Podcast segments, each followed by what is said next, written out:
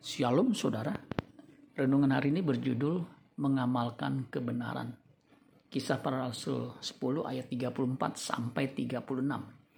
Lalu mulailah Petrus berbicara, katanya, Sesungguhnya aku telah mengerti bahwa Allah tidak membedakan orang. Setiap orang dari bangsa mana pun yang takut akan dia dan yang mengamalkan kebenaran berkenan kepadanya. Itulah firman yang ia suruh sampaikan kepada orang-orang Israel, yaitu firman yang memberitakan damai sejahtera oleh Yesus Kristus, yang adalah Tuhan dari semua orang. Setiap orang yang takut akan Allah dan yang melakukan apa yang benar, berkenan kepada Allah. Kisah para Rasul 10 ayat 35 Alkitab yang terbuka mengatakan begini. Namun di setiap bangsa, orang yang takut akan dia dan melakukan apa yang benar, berkenan kepadanya. Jadi tidak penting dari mana ia berasal. Asal dia menyembah Allah yang benar dan melakukan apa yang benar, akan diterima Allah. Kisah para Rasul 10 ayat 35 versi mudah dibaca mengatakan, Allah menerima setiap orang yang menyembah dia dan melakukan yang benar. Tidak penting dari mana ia berasal kebenaran dari kata Yunani di kayu sune. Kata yang sama dipakai dalam Matius 5 ayat 20. Maka aku berkata kepadamu, jika hidup keagamaanmu tidak lebih benar daripada hidup keagamaan ahli-ahli Taurat dan orang-orang Farisi, sesungguhnya kamu tidak akan masuk ke dalam kerajaan sorga.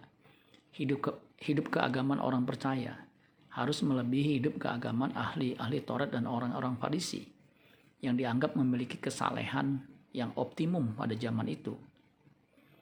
Hidup keagamaan dalam bahasa aslinya adalah dikaisune, yang artinya integrity, virtue, purity of life, righteousness, correctness of thinking, feeling, and acting.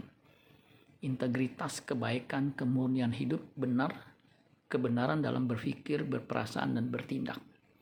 New King James Version menerjemahkan righteousness, kebenaran, lebih tepatnya kebenaran dalam kelakuan atau tingkah laku.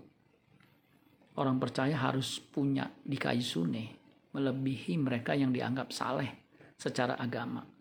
Jika tidak, ia tidak akan masuk ke dalam kerajaan sorga. Di kayu sune yang dimiliki orang percaya harus sampai kepada situasi di mana ia sama sekali tidak bisa difitnah. Karena memang terbukti tidak bersalah, tidak bercacat, dan tidak bercelah. Hal ini sejalan dengan yang diajarkan Kristus dalam Matius 7 ayat 21 sampai 23. Bukan setiap orang yang bersuruh kepadaku Tuhan Tuhan akan masuk ke dalam kerajaan sorga, melainkan dia yang melakukan kehendak Bapakku yang di sorga. Pada hari terakhir, banyak orang akan berseru kepadaku Tuhan, Tuhan, bukankah kami bernubuat demi namamu dan mengusir setan demi namamu dan mengadakan banyak mujizat demi namamu juga?'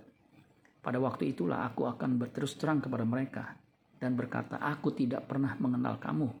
Nyahlah daripadaku kamu sekalian pembuat kejahatan. Jadilah orang yang mengamalkan kebenaran, karena ini menyenangkan hati Allah. Amin buat firman Tuhan. Tuhan Yesus memberkati. Sola Gracia.